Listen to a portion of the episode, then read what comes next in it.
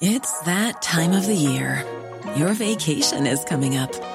You can already hear the beach waves, feel the warm breeze, relax, and think about work. You really, really want it all to work out while you're away. Monday.com gives you and the team that peace of mind.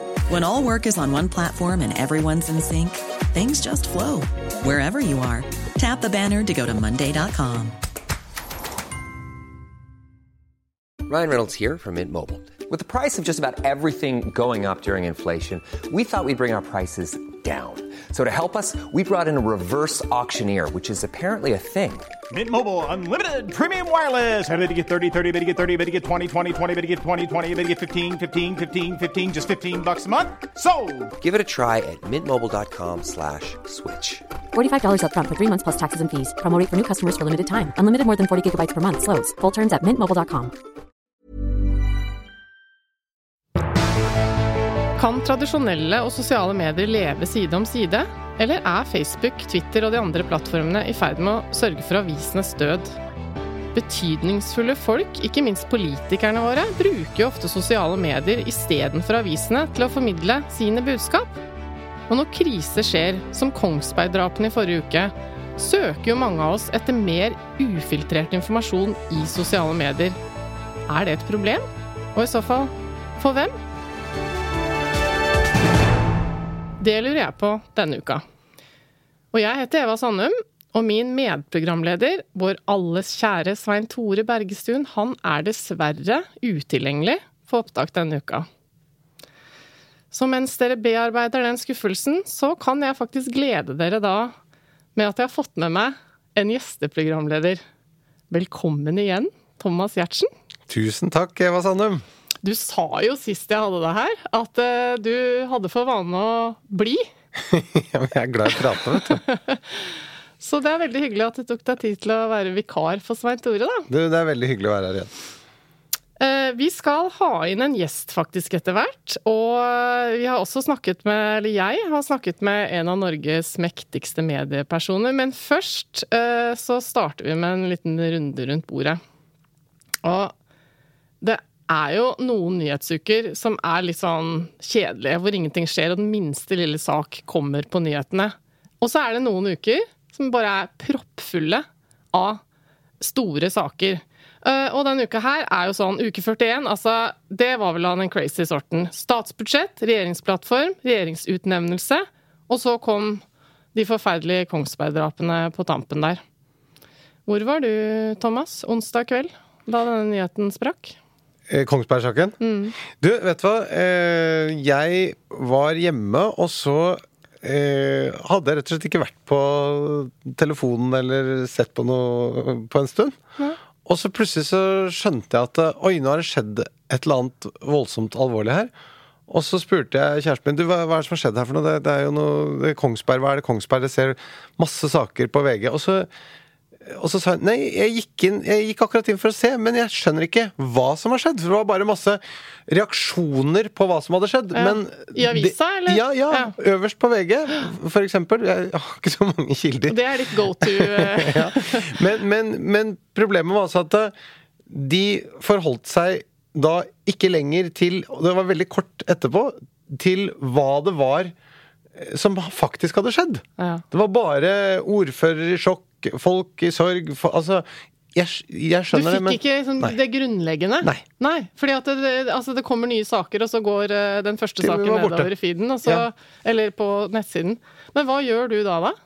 Nei, akkurat da så uh, må jeg- Ringer du en venn, eller? Nei, ja, ofte, ofte gjør jeg det. Anders Giæver? Jeg ringer Anders Giæver og sier nå må dere bytte om på den forsiden deres på Ja. VG, så at folk skjønner hva som har skjedd. Nei, Nei. men du, altså, poenget mitt det er jo Går du da til sosiale medier og tenker at du får, får det du trenger der? Ja, eller? men jeg fikk det jo da riktignok ikke på en digital plattform, men jeg, da begynner jeg å snakke med venner, da. Så Ja. det, er, det er jo den måten jeg får vite det på. Så da snakker jeg med noen som eh, har satt seg inn i det. Ja. Eh, men da ansikt til ansikt, og ikke på, ikke på en eller annen plattform. Nei. Vi skal komme tilbake til Kongsberg-saken. Men uh, før det, er det Altså, det har skjedd mye, som sagt, denne uka. Er det noe annet som har, du har merka deg ved som er relatert Nei, til mediene? jeg var jo veldig spent på den uh, Hurdalsplattformen, da. ja.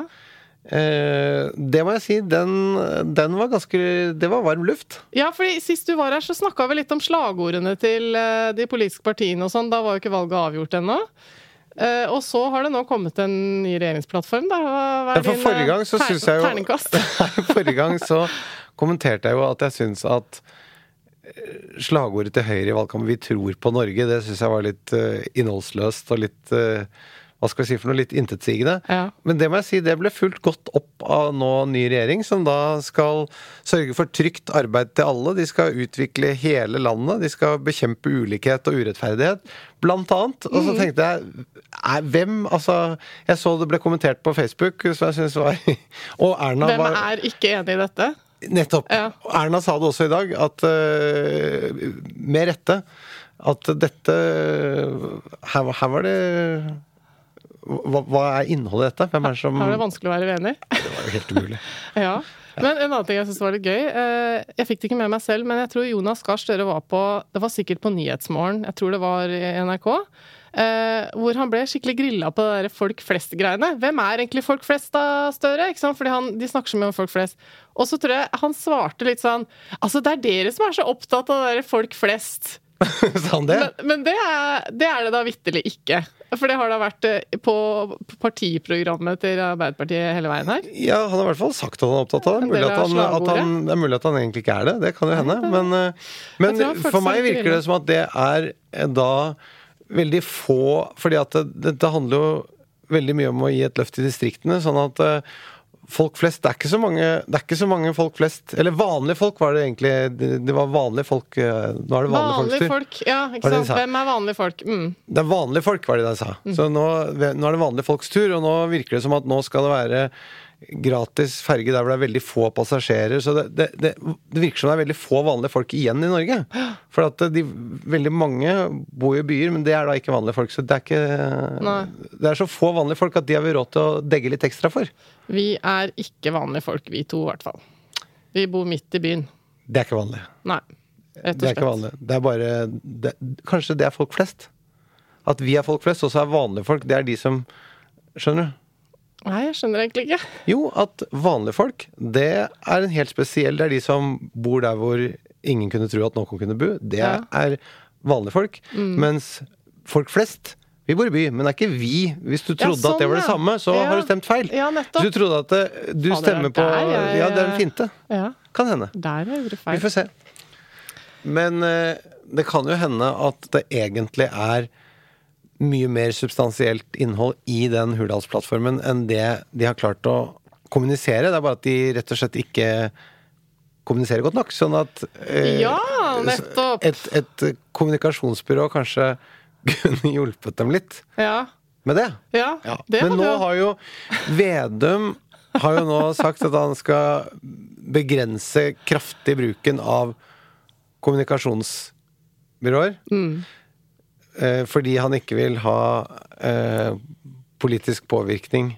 Eh, hjelp til det. ja. Dette vet vel du bedre enn meg, men jeg jeg har, forstått det sånn at eh, den tiden som PR-byråene bruker på politisk påvirkning, er det sånn som 15% av tiden? eller noe sånt? Det er enda mindre. Det varierer fra byrå til byrå. Da. Det er noen som ikke har uttalt seg noe særlig i denne såkalte debatten om hvorvidt PR-byråer er innafor eller utafor.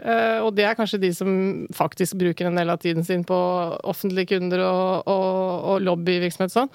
Men gjennomsnittlig kommunikasjonsbyråer gjør jo veldig lite av det som Vedum er redd for, Nettopp, si. så, men det betyr at altså, kommunikasjonsbransjen har et kommunikasjonsproblem, for de har ikke klart å kommunisere at de ikke bruker tiden sin på det som Vedum og alle andre tror at de bruker tiden sin på. Det er helt riktig. Så vi Så trenger der en Mm. ny kommunikasjonsbransje som kan hjelpe kommunikasjonsbransjen til å forklare hva de egentlig driver med. Ja. Eh, sånn at de kan bli legitime, og at statsapparatet, og da, da regjeringen, kan bruke et kommunikasjonsbyrå til å kommunisere regjeringsplattformen sin på en god måte, sånn at vi forstår at den er mer substansiell enn det der varme luften. Det siste var vel 'vi skal gjøre en forskjell i verden'.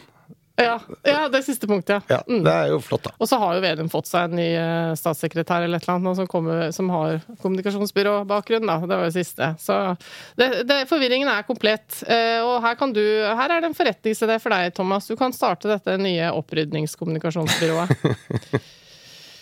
Vi begynte så vidt å snakke i Thomas, om Kongsberg, og jeg vil gjerne snakke litt mer om det. For det, det var veldig mange av dere lytterne som, eh, som faktisk sendte oss meldinger da, onsdag kveld eh, med såkalte lytterspørsmål fordi dere satt og fulgte med, som alle oss andre på dekningen. På, kanskje primært på TV, da, men alle holder jo på med TV og Twitter og sosiale medier og er inne på nettaviser og sånn. Når noe sånt skjer, så driver man jo og surfer litt rundt.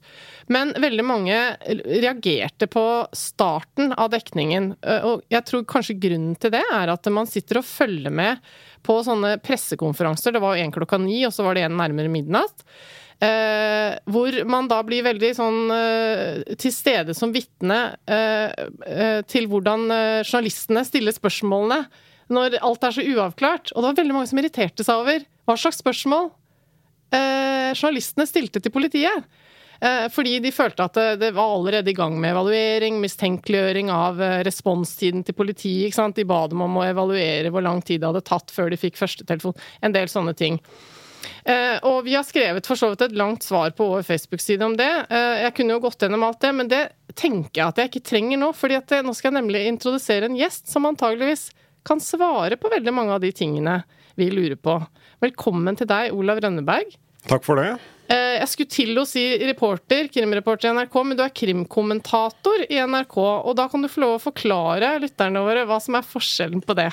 Forskjellen på det er at jeg da blir satt til å analysere ting i kriminalsaker, eller rettssaker for den saks skyld. Eh, og, og, i det så ligger det at jeg også kan dra meg mot å mene noe, eh, hvilket en reporter ikke kan gjøre. Det er akkurat som en politisk kommentator. Dere har sikkert sett Magnus Takvam eller Lars mm. Nehru Sand. De også analyserer jo politikken, men de gjør aldri intervjuer selv, nettopp fordi de har den analysebiten. Eh, vi er ikke de, I NRK er vi ikke de som mener mest i norske medier, eh, men det ligger jo i den rollen at vi også kan mene noe. Og f.eks. si at en tiltalt har en svak, svak, forklaring, eller mange spørsmål står ubesvart, eller, ja. eller, den type ting. Så min jobb er å, analysere, eh, og det var det også da i, i Kongsberg-saken. Så på nettet så har jo veldig mange aviser blitt flinkere til å skrive øverst at dette er en kommentar eh, som, eh, som, skribenten må stå eh, til ansvar for, eh, osv.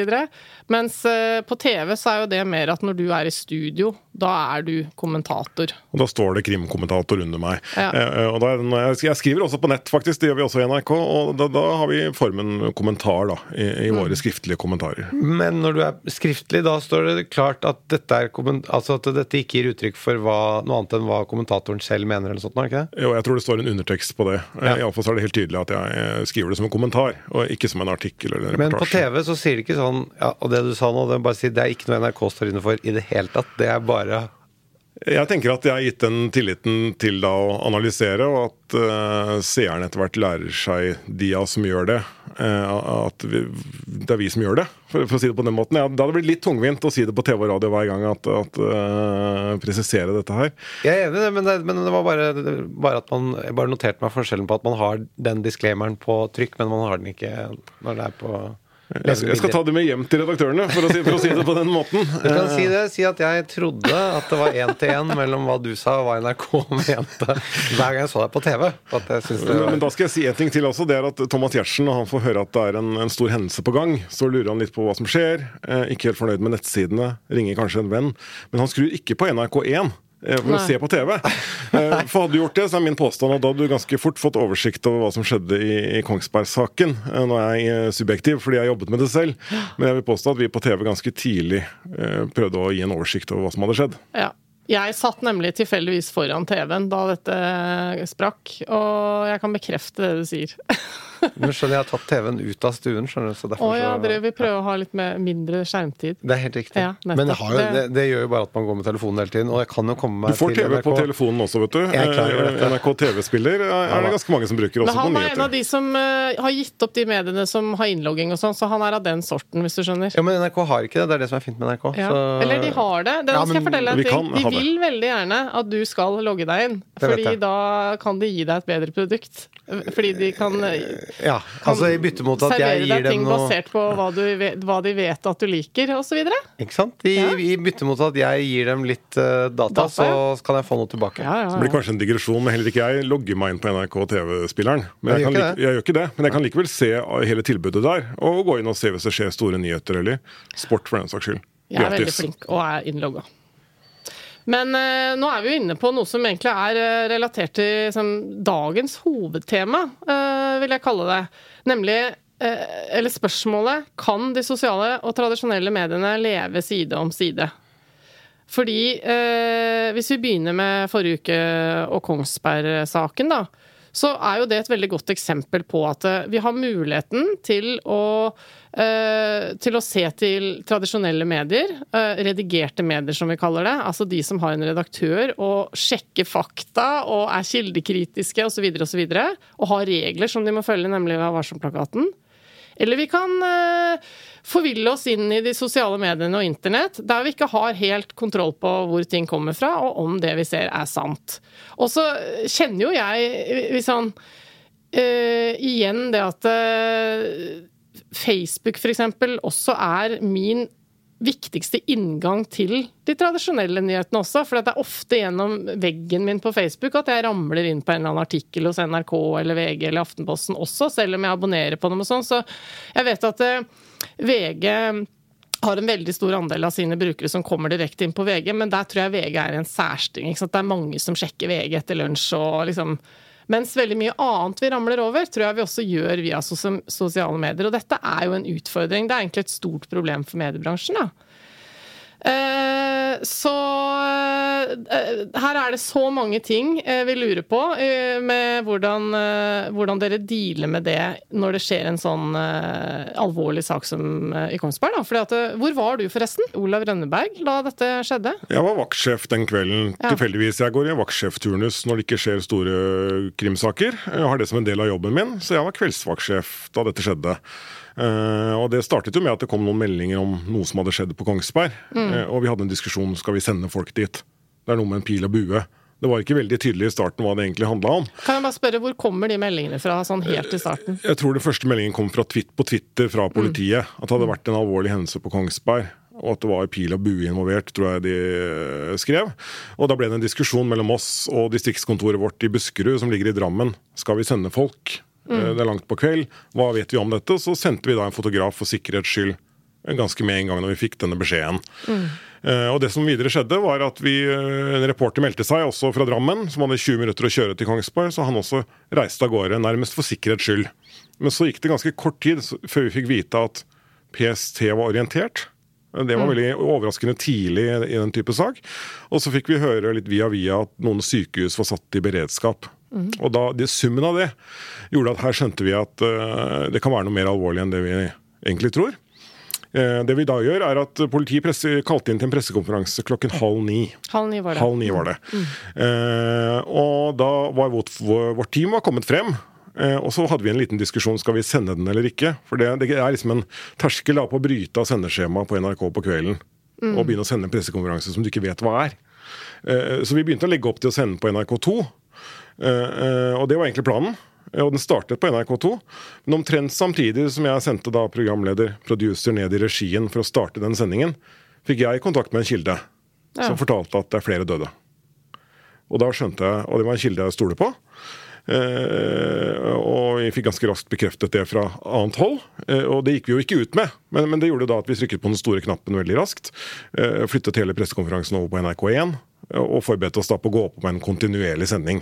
Altså, da, nå skjønner dere at dette er, kommer til å ta kvelden, liksom? Det... Eh, vi regner med at vi da går på lufta og ikke kommer mm. av lufta igjen, for ja. å si det på den måten. Og at vi da må rigge Vi er jo trent rett til en viss grad, vi har jo rutiner for det. Og da å sette i gang en sånn stor TV-sending samtidig som vi jobber på nettet.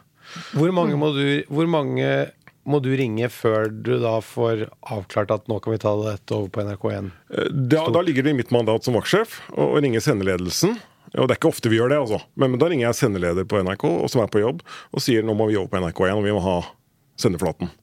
Men Kan det da bli en diskusjon, eller du, er det bare en instruksjon fra deg? Det, det, kan, det er veldig sjelden det kommer til å bli satt på spissen på den måten. Jeg begrunner det jo, jeg forteller jo han hva vi vet, og hvorfor. Og, og jeg har aldri opplevd at vi da ikke har kommet over. Men det er veldig sjelden vi gjør det på denne måten. Mm. Uh, og det som skjedde videre da, var at jeg måtte tilkalle en, en vaktsjefkollega som tok over som vaktsjef. Uh, og så gikk jeg ned i studio og tok på meg kommentatorhatten, for å si det på den måten. Eh, jakka, liksom. For nå har jeg lyst til å si en ting, nemlig, eh, som jeg nå fikk bekrefta da du kom inn her i dag. Og det er at eh, folk ser annerledes ut på TV enn de gjør i virkeligheten. Og det var det første jeg tenkte da jeg så deg. Du så Hva skal jeg si? Du så høyere ut. og yngre ut. Dette høres bra ut. Uh, ja. Jeg har drosjesjåfører nemlig som sier det motsatte. Er det sant? Uh, ja, får ta noen eh, bilder av det Uten. Uten å gå i dybden på det, men, men vi har drosjesjåfører som spør hvor mye veier du, og så videre. Du ser tjukkere ut i bilen enn du gjør på TV og sånn. Nei, det er jeg helt uenig i. Men, men eh, det er det også. Du blir jo i så fall eh, likere på det bildet jeg tar nå, da. Så, Men det er klart, vi, legger vi strammer oss jo opp. ikke sant? Jeg, den kvelden så visste jeg at når jeg går ned i studio nå, så kommer jeg til å bli der. Så da, da går jeg innom garderoben og tar på meg dress og slips. Av respekt for de som dette handler om. Og, og vi skal ikke stå i veien for budskap osv. Vi skal se ordentlig ut eh, når vi først jobber med TV. Mm. Så jeg tok de ti minuttene og tok meg klær som passer til anledningen. da. Mm. Det har vi, jo, har vi jo tilgjengelig nettopp for den type anledninger. Men det, det som jeg syns er litt interessant her, er jo at eh, du forteller jo at dette starter jo da på som en melding på Twitter som dere på sosiale medier som dere får. Og så settes det jo i gang et ganske sånn stort apparat. Det var derfor jeg spurte hvor mange du må snakke med og sånn. Så, sånn at eh, eh, Det sier jo noe om hvor mye større organisasjon som skal til for å produsere det som dere kommer ut med, kontra det som da bare flyr ut. For parallelt med det at dere står og vurderer om noen skal kjøre dit, og du skal skifte til dress og alt mulig rart, så, jo, så hagler det jo ut med ting på sosiale medier. Og det er åpenbart kanskje den største utfordringen nå, kontra når noe slikt skjedde for 10-15-20 år siden. Eh, bare når jeg da kommer inn i studio etter å ha tatt ti minutter og skiftet osv., så, videre, så så er jo sosiale medier fullt av rykter og påstander, og faktisk også bilder og videoer av det som ble påstått å være hendelsene på Kongsberg. Oh, ja. ja. Også hendelsene. Også, for også påståtte gjerningsmenn kommer jo etter hvert. Absolutt. Navn på påståtte gjerningsmenn kommer senere på kvelden. Det, det hagler med rykter og ubekreftede påstander. Eh, og det, alt dette får jo vi inn i feeden vår sant? mens vi står der. Mens vi må jo passe på at vi kun går ut med det lille politiet har bekrefta, og det lille vi eventuelt får bekreftet fra egne kilder. Eh, og og der er jo terskelen skyhøy for å gå ut med noe som helst som ikke er bekrefta. I den type setting. Fordi vi ønsker jo ikke å være den som eh, forteller folk noe feil. Det, det ville vært krise hvis vi f.eks. hadde kommet ut med et feil antall drepte mennesker, eh, feil om hendelsesforløpet, feil om de skadde. Eh, det, det, det angår jo folk, det vi driver med her. Ja. Og derfor så prøver jo vi å holde oss kun til bekreftet informasjon, eller informasjon som vi har veldig godt bekreftet fra annet hold.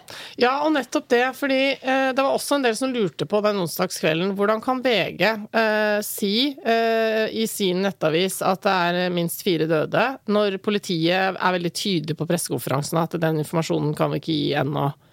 Eh, og svaret på det er jo selvfølgelig at eh, mediene og politiet er jo ikke Altså, mediene jobber jo ikke for politiet. Så det er jo Det at mediene eventuelt kommer med mer informasjon enn det politiet vil gi, det er jo et bevis på at eh, vi har fri presse, og at de ikke er liksom talerøret, for så vidt. Men spørsmålet er jo folk lurer på hvordan veit VG det, da?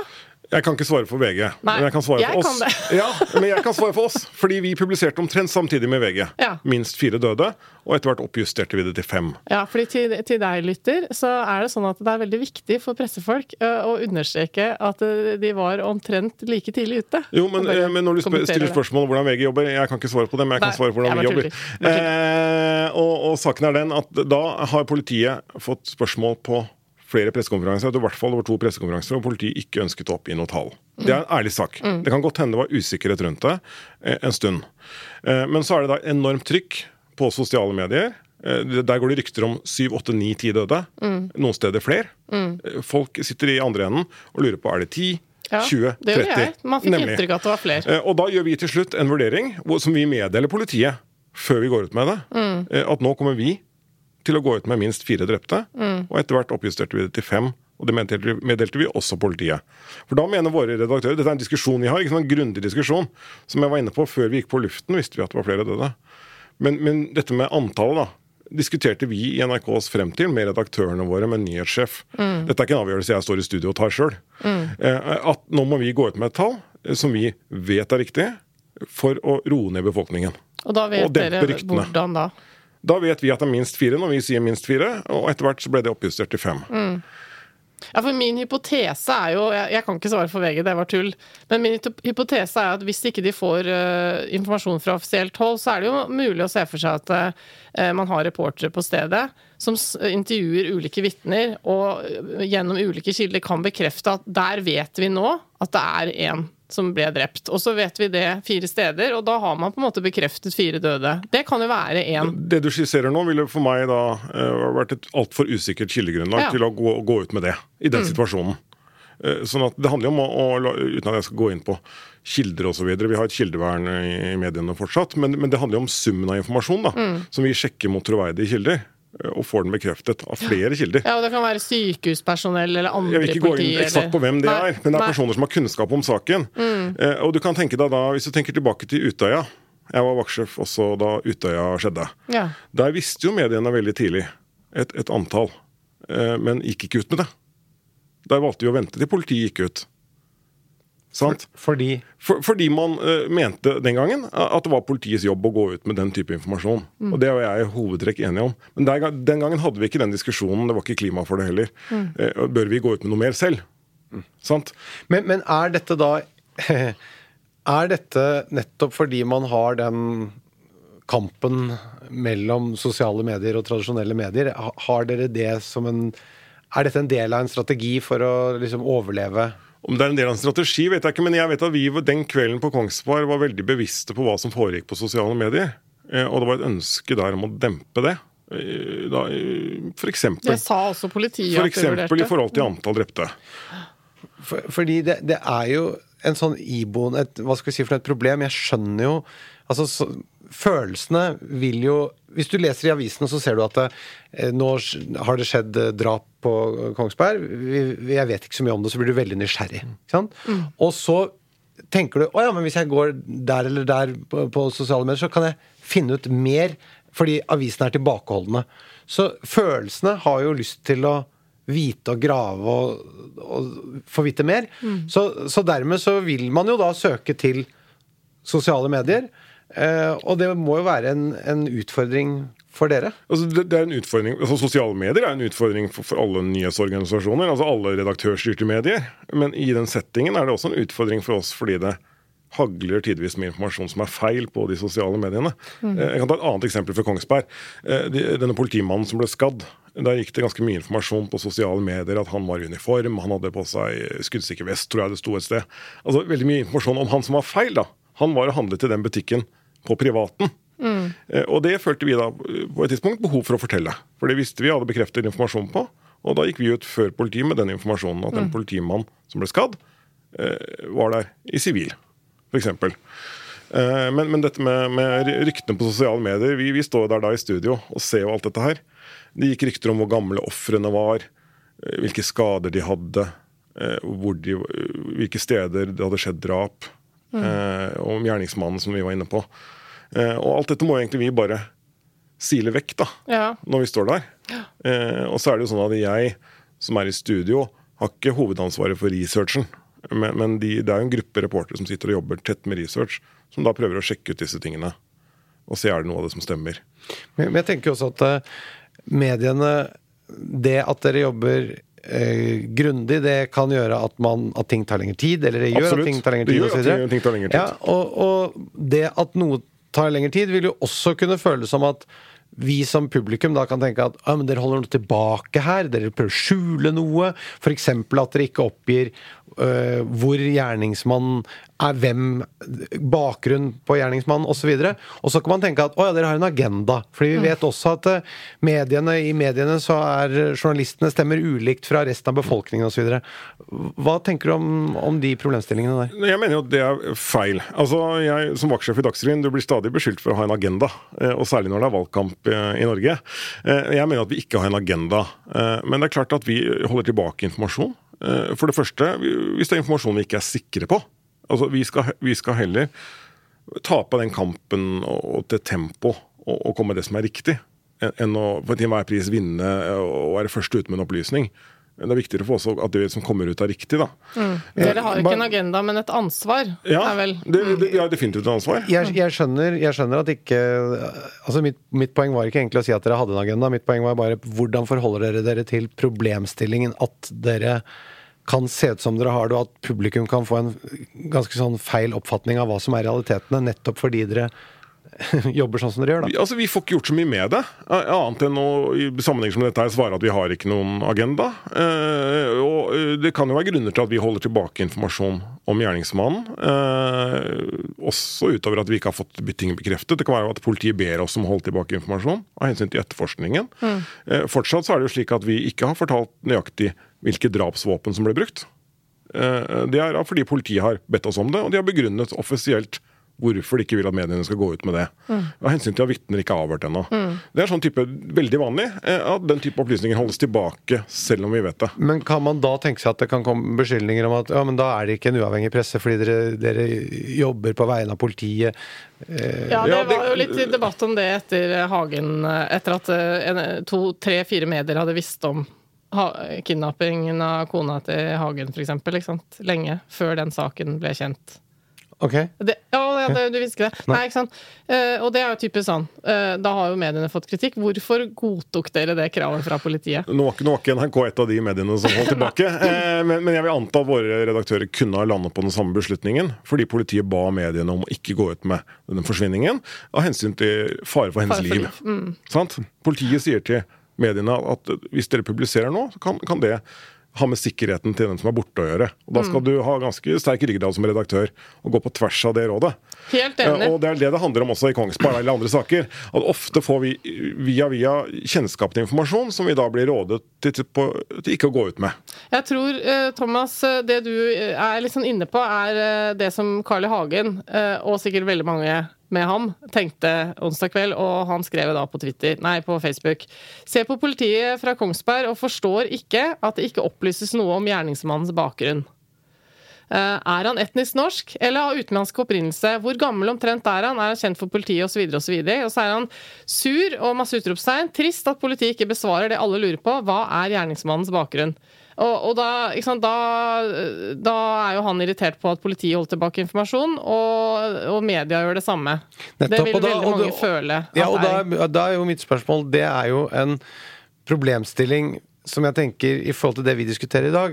Hvordan mediene kan tape, de tradisjonelle mediene kan tape i forhold til sosiale medier. Og da er det veldig lett å tegne et forvrengt bilde av situasjonen. Eh, nettopp sånn som da kan komme som en oppfølging av den posten. Var det første kritikk av, av politiet, men, men så hvis da eh, pressen da også er lojale eh, mot eh, politiet da, så er det veldig lett å ende opp med en situasjon hvor man har et vrengebilde av realitetene, men som gjør at dere taper.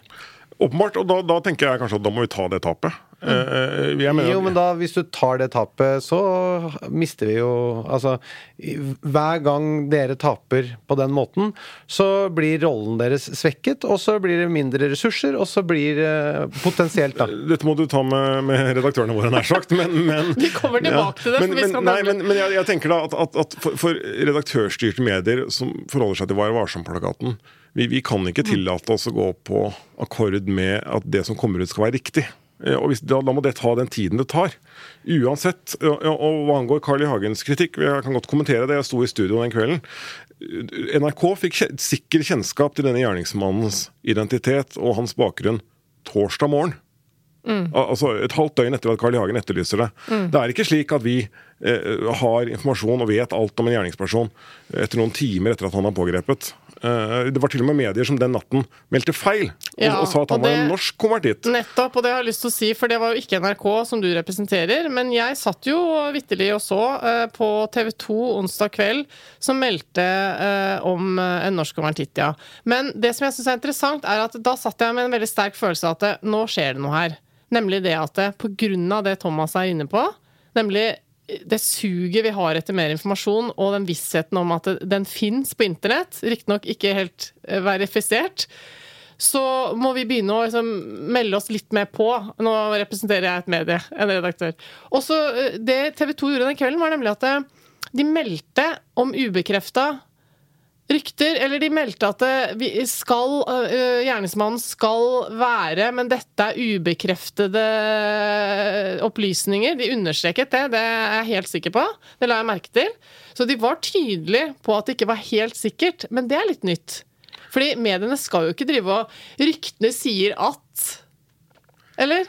Nei, jeg, jeg tror jeg skal nøye meg med å svare for det jeg gjorde den kvelden. Jeg tror ikke jeg vil gå inn i hva andre medier eh, gjorde, igjen, og uten, uten å ha snakket med de journalistene engang. Eh, men jeg tenker at, at, at det ville nok hos meg ville sittet langt inne og gått ut med en opplysning, og samtidig satt at dette er ubekreftet informasjon i, i den settingen. Ikke Men, men det er umulig å vite, det er umulig å vite ja. Hvilke vurderinger de har gjort, Mm. og, og det, det må egentlig de svare ja, på selv. men det Altså. var jo feil, som du sier, da. For han var jo verken norsk altså formelt sett, nå har jo bodd i Kongsberg eh, veldig lenge, men han er jo dansk statsborger. Og nå er det jo litt tvil om hvorvidt han er konvertitt. Så sånn sett så var jo det ikke riktig informasjon, da. Eh, Og, og bare for å klare opp, hvis jeg har vært eh, utydelig på det jeg har prøvd å, å påpeke her, så er det jo nettopp dette rotet som eh, oppstår på sosiale medier. Og jeg mener jo da at i motsetning til det, så er jo tradisjonelle medier en veldig viktig og en, representerer en kvalitet som jeg veldig gjerne vil ha og beholde. Så mitt, eh, mitt anliggende her er ikke å, å Hva skal vi si for noe? Jeg spør bare etter noen strategiske, overordnede grep hos dere. eh, Nettopp for å ivareta rollen og posisjonen, og ikke tape for de sosiale mediene. fordi at jeg tenker sånn, Hvis jeg skulle sagt litt forenklet, så hadde jeg sagt at sosiale medier det er for følelsene, og eh, tradisjonelle medier det er for fornuftene. Jeg skjønner, jeg skjønner hva du mener, og jeg tenker at det er ingen av oss som, som ønsker å være seint ute med nyhet. På ingen som helst måte, men vi ønsker at den skal være riktig. Jo, men, og jeg ber deg Ja. ikke jeg, jeg etterlyser ikke heller at dere sånn radikalt annerledes skal begynne nå å, å publisere ting som er ikke verifisert sånn. Tvert imot. Jeg spør bare, men jeg stiller bare det spørsmålet som ingen har svar på, nemlig hvordan skal dere overleve med kvaliteten? Og det, jeg tenker jo at da vil folk i tillegg til å være på sosiale medier, også søke til de redaktørstyrte mediene. Eh, eh, mange vil i hvert fall gjøre det, for å sjekke hva, hva som er eh, gangbar mynt, hva som er riktig. Den kvelden på Kongsberg hadde vi over én million brukere, unike brukere av vår hovedsak på nettet. Og Det sier jo noe om at det er ganske mange som søker til de tradisjonelle mediene også for å få informasjon. Så jeg tenker jo kanskje at, at noen bruker sosiale medier som en substitutt, eller, eller har begge plattformene, da. Ja, og det, eh, det, for tror å jeg, kalle det det tror jeg du har rett i. Og, og kanskje, kanskje er jeg bare unødig bekymret. Og, og så er det men, noen som eh, ser på TV, da. Du er ikke Eh, unødig bekymret, Thomas. Det kan, jeg, det kan jeg love deg. Men når det kommer til identifisering altså av gjerningsmannen eh, nå, nå, det, nå har det skjedd i alle medier, og vi har hørt eh, navnet på gjerningsmannen og alt mulig sånn, men her var mediene litt eh, ulikt ute med hvor raskt det skjedde, da. Men først og fremst, liksom, hva, hva, hva er prosessen hos dere når dere tror dere vet? Eh, eller når dere vet at dere vet identiteten til gjerningsmannen. Nei, altså vi, vi i NRK er jo tradisjonelt sett så er vi ikke de første i køen som går ut med ID på en gjerningsperson. Eh, Det er sjelden vi gjør det. Det det er i de alvorligste sakene. Eh, Vi gjorde det selvfølgelig etter eh, 22.07, vi gjorde det etter eh, moskéangrepet i Bærum, og vi gjorde det her. Mm. Og, og da er vurderingen at her er informasjonsbehovet i befolkningen så stort eh, at vi mener vi må gjøre det. Dette er en redaktørbeslutning. Og så er det også, i dette, dette tilfellet konkret, så er det også for å dempe rykter om andre navn. Altså, vi, vi, vi, jo, vi snakket jo til og med med folk som hadde navnet sitt ute på sosiale medier, ble feilaktig utpekt som massedrapsmann på Kongsberg. Eh, og det er ganske alvorlig for den det gjelder, altså. Eh, Å få det spredt. Eh, han ene fortalte han ble nedringt av utenlandske medier fra alle verdenshjørner som trodde han var gjerningsmannen. Hvorfor de ringte han, skjønner jeg ikke helt, fordi gjerningsmannen var jo pågrepet. Men likevel, da. Ja, altså, det, det er jo en kjempebelastning for folk å bli hengt ut på den måten der. Eh, eh, og da, tenk, da var det en, en tilleggsvurdering hos redaktørene våre at eh, også for å dempe den rykteflommen, så var det viktig å gå ut med navnet tidlig. Og så er det flere andre redaktører som har påpekt at siktede også jo har erkjent forholdene, og det gjorde han ganske raskt i avhør, og det er jo selvfølgelig også. Vanligvis venter man jo til en ligger en fengslingskjennelse der, for da har en dommer tatt stilling til om det er skjellig grunn til mistanke. Her er det jo riktig at det ganske fort kom frem at han hadde tilstått. Men, men dette illustrerer jo nettopp at uh, uten Uten folk som jobber eh, strukturert og etter, eh, etter Vær varsom-plakaten, så, så er det jo det komplette kaos som ville oppstått hvis, hvis standingen til tradisjonelle medier faller for mye, da. Så du er eh, egentlig en ambassadør for de Jeg, tradisjonelle mediene? jeg elsker tradisjonelle medier, jeg. Ja, ja, jeg syns det er kjempeviktig. Definitivt. Eh, Men jeg syns, jeg syns jo at og, og, og nettopp derfor syns jeg at er jeg bekymret for at jeg ikke syns de har noen gode løsninger på hvordan de skal eh, beholde plassen sin. Ja, nettopp. Fordi Ole Jakob Sunde han var søndagsgjest på Søndagsrevyen denne uka her. Eh, og han ble da omtalt som en av Norges mektigste menn i media. Eh, for han er styreleder i Skipsted, og nå er han også styreleder i Scott, The Scott Trust, som er da eh, eier av The Guardian i, i, England. Leser du The Guardian, Thomas? Nei, ikke, ikke fast. Ikke så ofte. det, det hender jeg får det via sosiale medier. Hva med deg? Ja, Det er vel noe på samme nivå. Jeg er nok ikke fast daglig leser, nei. nei. Men, men, det hender jo at de har ting som faktisk er veldig bra og gjennomarbeidet, og sunt for oss å lese også. Også for all del, Det finnes veldig mye bra der ute som jeg ikke konsumerer, men uh... Dessverre, det gjør det. Men det, det som skjedde, var i hvert fall at Ole Jakob Sunde langa ut mot sosiale medier, og antyder da at eh, sosiale medier og tradisjonelle medier ikke kan leve side om side, fordi forretningsmodellen til de sosiale mediene Eh, altså det med at de baserer seg så innmari på persondata, det har et skadelig motiv. Eh, og at de har vridd samfunnsnytten sin over på et altfor økonomisk motiv, da. Så jeg ringte han og ba han forklare litt mer hva han legger i det, uh, og om det er noe vi glemmer når vi lar oss lokke inn på de sosiale mediene hele tiden, sånn som vi har snakka om, da. Ja, Det vi glemmer når vi tenker på disse tjenestene, det er jo at um, de er, uh, for å si det slik, lokkemat for annonseplattformer som trenger våre personlige uh, data for å kunne fungere. Jewelry isn't a gift you give just once. It's a way to remind your loved one of a beautiful moment every time they see it. Blue Nile can help you find the gift that says how you feel and says it beautifully with expert guidance and a wide assortment of jewelry of the highest quality at the best price. Go to BlueNile.com and experience the convenience of shopping Blue Nile, the original online jeweler since 1999. That's BlueNile.com to find the perfect jewelry gift for any occasion. BlueNile.com. Many of us have those stubborn pounds that seem impossible to lose, no matter how good we eat or how hard we work out. My solution is PlushCare.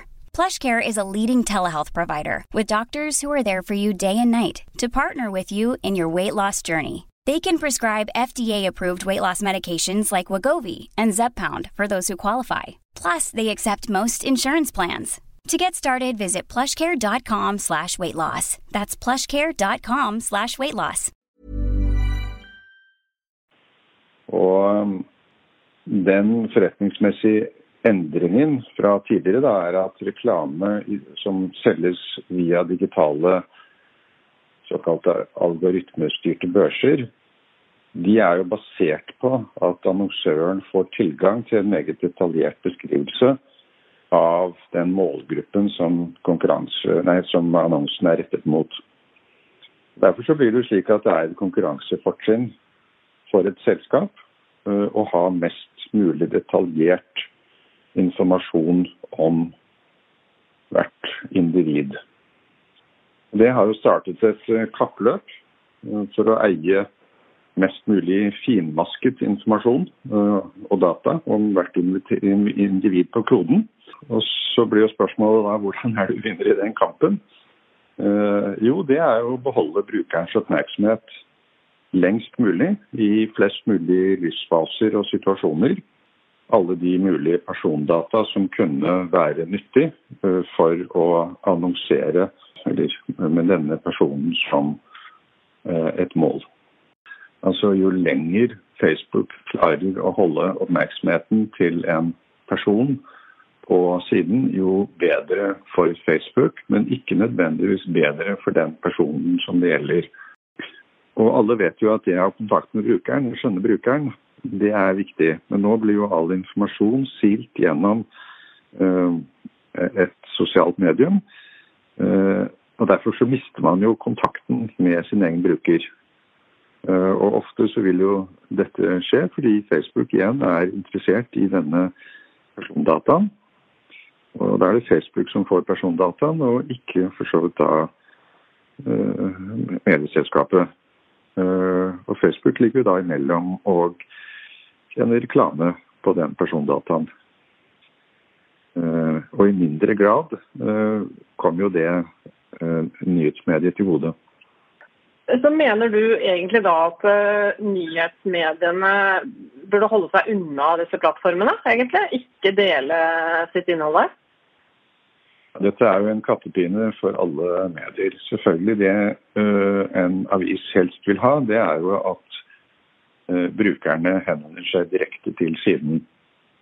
Og norske medier er i en særstilling fordi norske medier har en veldig høy uh, direktetrafikk til sine sider. VG har jo en direktetrafikk på over 90% av kundene, som da kommer direkte til VG og ikke via et, en plattform. Kattepinnen det er at selvfølgelig vil alle ha mest mulig trafikk og forsøker jo da å eh, legge ut noen saker på sosiale medier for å trekke trafikk til siden. Eh, I det korte bildet kan det være positivt, for da får du jo flere mennesker som leser nyhetene dine. og da, Det er jo bedre for avisen. Men i det lange bildet så er det farlig, fordi da blir du mer og mer avhengig av Facebook som en kan si, mindre avis som kanskje ikke har så store ressurser. Og langsomt så trekkes du inn i det spindelvevet som da den sosiale plattformen greier å etablere. Så i det lange løp er dette en farlig vei å gå. For meg høres det ut som at han beskriver dette problemet veldig godt, men jeg finner ikke helt noe godt svar eller en strategi på, bortsett fra at man skal ikke være der. Så bare, men jeg vil gjerne høre litt Jeg skulle gjerne hørt litt mer om hva som vil bli effekten av det, og hvordan man skal se veien til hva skal vi si for noe, en, en gjenreisning eller en, en statushøyning da, av tradisjonelle medier? Ja, øh, jeg tror faktisk ingen som representerer øh, pressen, har et godt svar på dette, for å være helt ærlig. Men jeg spurte han, for det han også gjorde, var at han kom med en klar oppfordring til Jonas Gahr Støre på, øh, i intervjuet om å slutte å bruke Facebook. Fordi han altså mener at statsministeren bør tenke seg om. og hva mener han egentlig med det? Har jo snakket om klimafornektere som overhodet ikke vil skjønne eller innrømme at eh, vi har en klimakrise. Og Det er litt det samme med sosiale medier. Opplever jeg at man overhodet ikke er villig til å innrømme eller erkjenne at man må gjøre noe med uh, sosiale medier. På en måte har vi blitt sosiale mediefornektere. Uh, selv om vi ser at uh, sosiale medier er i ferd med å slite i stykker den sivilisasjonen som vi har møysommelig bygget opp over flere hundre år. Og det mener jeg at politikerne har et ansvar for. Vi vet jo at sosiale medier har denne oppmerksomhetsøkonomien bak seg. Det vet, det vet jo enhver politiker. Uh, og allikevel så bruker de mediene for alt uh, det er verdt. Eh, og jeg skjønner at eh, man ikke kan få til en endring fra dag til neste. Men det jeg mangler, det er egentlig at vi skjønner farene ved sosiale medier, og at vi da lager et målbilde og viser en retning eh, for å komme til en verden som er mindre avhengig av sosiale medier og slik sosiale medier fungerer i dag. Eh, det jeg også eh, tenker på i denne sammenheng som er viktig, er at mediene har jo da også et ansvar for å forsøke å forklare overfor både politikere og eh, alle oss andre hvordan sosiale medier faktisk fungerer. Og hva som er farene, og, og hvordan vi kan leve i pakt med dem på en mer bærekraftig måte over tid. Altså, Det er jo ubehagelig å tenke på at når du er på Facebook, så er det jo nettopp som han sier. Du, du er du, Når du er der inne, så er jo Altså, du er jo egentlig Dine data er produktet. Så det er bare et spørsmål Og så går du inn for å se på noe annet. Så det er bare et spørsmål om hvilken inngang du vil ha til slakterhuset. Skal du inn som slakt, eller skal du inn som kunde og kjøpe noe? Ja, eh, det er... ja for at du er både eh, du er både produktet de selger, og du er innholdsprodusent. Og du er målgruppe for annonsen igjen. Og jeg må jo også spørre deg også, fordi det er jo mange journalister som er på sosiale medier. Og ytrer seg og skriver og Jeg tenker på, Du er kommentator. Det betaler NRK deg en, en god lønn for. Men Nå, ja. for, jo, jo, men, en, en anstendig lønn, antar jeg. Men, oss. Men for, på sosiale medier, enten det er, og det kan være komikere som meg, eller det kan være kunstnere, eller det kan være journalister, eller hva det måtte være, legger ut på enten på Snapchat eller på Instagram eller på Facebook. Det er ingen som tar noe betalt. det er ingen som, Alle rettighetene overdrar man fullstendig. Uh, ingen tar betalt for det, men bare for å bli sett og hørt. Uh, så er man villig til å uh, være der og gratis overdra alt mulig rart. Og det kan jo brukes hvis du leser de der uh, Når du signerer på hva, hva som er sånn Jeg er enig om rettighetsoverdragelse og sånn, så det tror jeg mange ville ikke akseptere det hvis de fikk det i en jobbkontrakt. Mm. Men Olav uh, Rønneberg, svare først, på først uh, på vegne av NRK. Ja, Og så på vegne av deg selv. Ja. Eh, Jeg, tror ikke, jeg tror ikke jeg skal svare på disse spørsmålene på vegne av NRK. Det, det ligger nok utenfor min rolle, selv om jeg har som jobb å analysere ting. Men, men eh, dette er åpenbart en stor diskusjon som går i NRK Ja. eh, om hvordan skal man bruke sosiale medier. Eh, selvfølgelig har de kommersielle en, en annen skål. Vi har, har ikke de økonomiske problemene med å tenke på det, men vi har eh, dette med kontrollen over innholdet vårt. da, eh, sant? Eh, I det vi publiserer på Facebook, så mister vi jo på mange måter kontrollen over eh, eget innhold. Eh, og det gjør at enkeltpersoner som meg, f.eks., eh, bør jo være veldig forsiktige med å dele ting på sosiale medier, i alle fall ting som ikke er publisert andre steder. Og, og ned til journalister som mener noe på Facebook. Vi skal jo være ytterst forsiktige med om vi må mene noe på andre plattformer enn våre egne. Eh, Jeg skriver ingenting på Facebook som jeg ikke skriver eh, på NRK Ytring. Nettopp fordi vi hele tiden blir beskyldt for å ha en agenda, så er i hvert fall vi i NRK veldig nøye med det at våre journalister som skal dekke stoffområdet, de skal ikke mene noe om det stoffområdet på sosiale medier. Det er, det er vi ganske tydelige på. Jeg, jeg, kan- jeg kan dra et eksempel. Vi hadde en, en kollega på en kveldsvakt som skulle lage en sak om bitcoin. Så nevnte han i en bisetning at ja, jeg kjøpte noe bitcoin her i går. Det var en god kurs i går. Da er han inhabil. Da Ja. kan ikke han jobbe med den saken. Mm. Så strengt er det hos oss. Men, men i NRK så mener vi ikke så mye som jeg var inne på. Det, det handler mer om den analysebiten. Eh, og, og da er det sånn at, at reportere som lager innslag, eh, får hovedsakelig lov å ikke lov å mene ting eller analysere. Eh, det får kommentatorer lov til, det får utenrikskorrespondenter lov til. Mm. og, og så er det hvis NRK skal mene noe veldig sterkt, så er vi på redaktørnivå. Da er vi nesten oppe på kringkastingssjefsnivå. F.eks. for eksempel i NRK eh, er det utenkelig å mene noe om et utfall av valget. Eh, det, det er det aldri noen kommentatorer i NRK som gjør. Eh, råd, vi ser jo medier som råder velgerne for eksempel, til å stemme den ene eller andre veien. Det, det er, ikke, er det ikke tradisjon for NRK, for å si det på den måten. Nei, men Det gjør avisen ofte på lederplass og sånn. Her er det veldig mye ulike meninger blant publikum, tror jeg. Altså, noen syns dette er veldig rart og oppkonstruert. Og det, hva tenker du om det, Thomas? For at det, det, noen kritiserer det, og noen uh, elsker det. Jeg er nysgjerrig på hva, egentlig, hva dere tenker om, om grenseoppgangen mellom det å være journalist og aktivist. da. Ja. Ja, det, og det er for så vidt et litt annet spørsmål også. Jeg, jeg, jeg for min del, og nå må jeg igjen må jeg svare for, for min arbeidsgiver, da. Eh, Jeg, jeg lever veldig godt med de reglene vi har i NRK om at ikke jeg kan gjøre intervjuer og lage innslag, f.eks. Jeg tenker det er ryddig å skille de rollene. Men, men så har du den eh, siden opp mot aktivisme. Al- altså, eh, du kan tenke deg at journalister går i demonstrasjonstog, da. Eh, For det ene eller andre. Man er for eller imot koronavaksine, man står foran Stortinget og brenner munnbind. Altså, det ville vært utenkelig hos oss da at de skulle lage innslag om, om og, balanserte innslag om den tematikken. Så jeg har blitt spurt mange ganger i om andre podkaster og intervjuer og sånn Mm. hva ville du gått i demonstrasjonstog for? Altså absolutt ingenting. Vi dekker demonstrasjonstogene. Eh, Vi skal absolutt ikke stå i togene og mene noen ting. Og det mener jeg eh, egentlig er Men da blir jeg det, veldig det, det, nysgjerrig. gjelder, Er det gjelder flere enn oss i NRK, da, for å si det sånn. Da lurer jeg på, Er det veldig kjedelig å ha deg på middag? Sånn, som venn? Er, blir, er det sånn da òg? At du er veldig forsiktig, eller? Det kommer litt an på hvem jeg er hos middag hos, tror jeg. Eh, vi- vi- vi- Hvis det, er, hvis, det er, hvis det ligger en opptaker på bordet, så, så, så Nei, men, men det er litt sånn man- Du skal ikke ut i Jeg er på en del noen konferanser på Politihøgskolen og Juristforbundet og sånne ting, hvor vi liksom blir oppfordret da, til å mene litt mer enn det vi gjør på TV. Men med dagens sosiale medier Mm. Det er det. er så er det livsfarlig. Ja. Så jeg prøver å holde meg til eh, Men det hender jo også i middager at folk spør meg hva blir utfallet av Hagen-saken, eller hva tenker du om Ja, Marquez eller sånne ting? da. Men man skal være veldig forsiktig med det, for det kan havne på sosiale medier eh, veldig fort. da. At- Så han- dette er noe du ofte må tenke på, rett og slett, som journalist? Jeg du- tenker det at man skal, man, Grunnholdningen vår er at det vi mener, det skal komme på NRKs plattformer for min del. Eller det vi tenker, og så, og så langt vi vil gå i å tenke noe.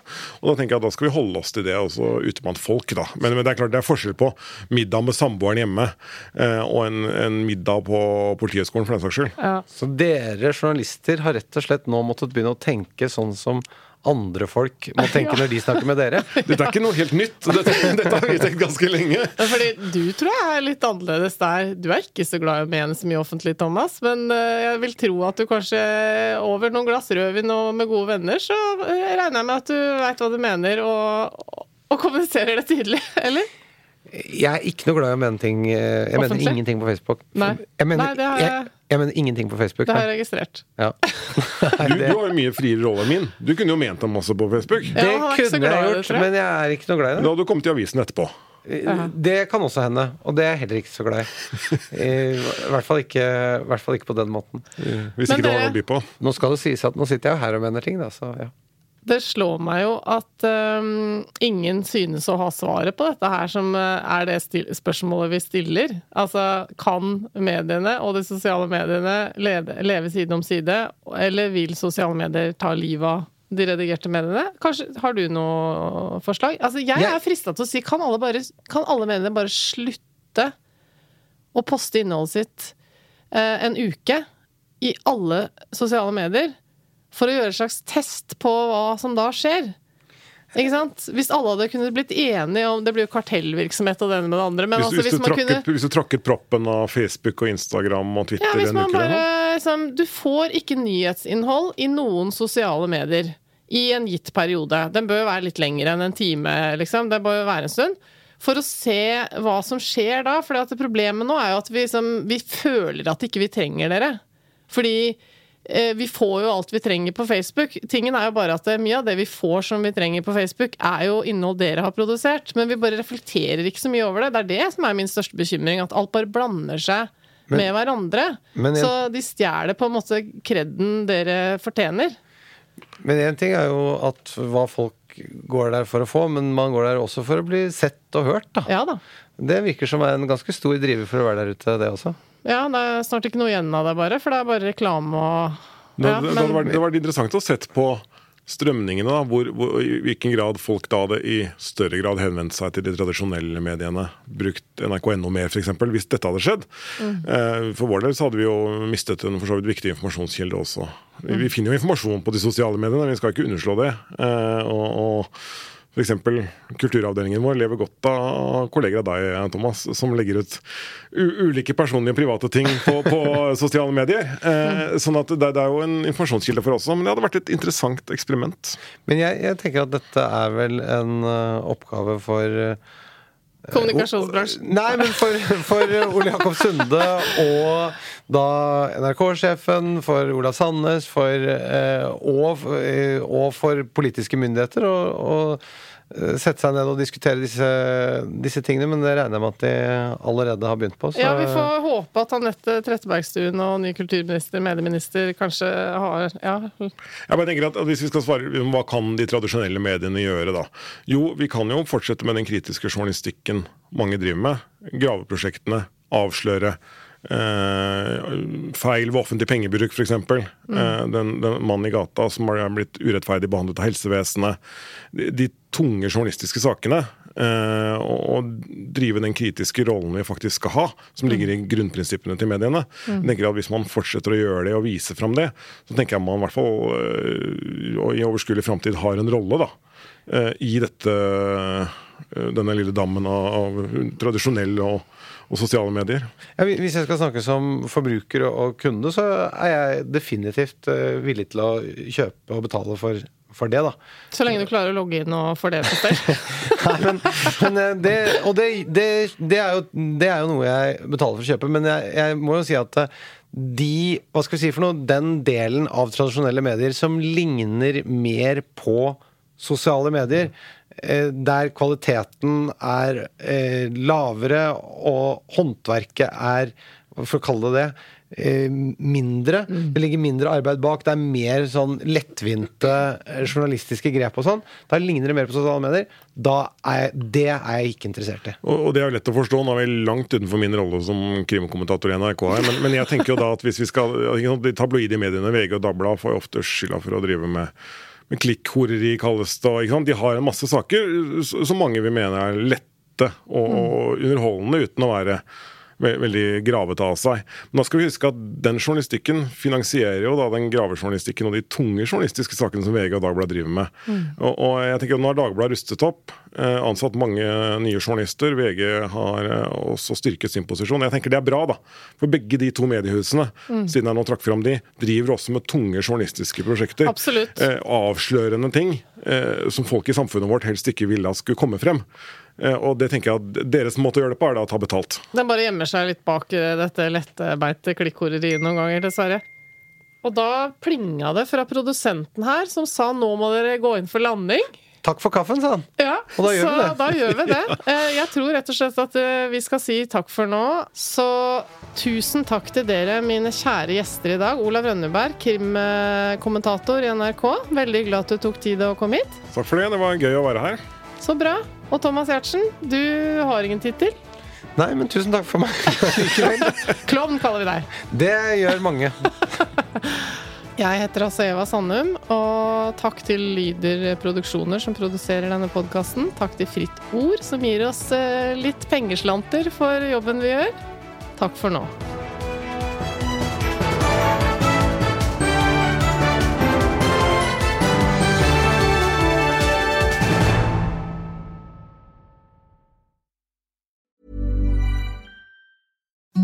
Imagine the softest sheets you've ever felt. Now imagine them getting even softer over time. That's what you'll feel with Bowl and Branch's organic cotton sheets. In a recent customer survey, 96% replied that Bowl and Branch sheets get softer with every wash. Start getting your best night's sleep in these sheets that get softer and softer for years to come. Try their sheets with a 30-night guarantee. Plus, get 15% off your first order at bowlandbranch.com. Code BUTTERY. Exclusions apply. See site for details.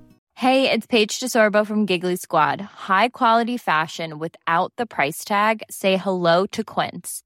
I'm snagging high-end essentials like cozy cashmere sweaters, sleek leather jackets, fine jewelry, and so much more. With Quince being 50 to 80% less than similar brands. And they partner with factories that prioritize safe, ethical, and responsible manufacturing. I love that. Luxury quality within reach. Go to quince.com slash style to get free shipping and 365 day returns on your next order. Quince.com slash style.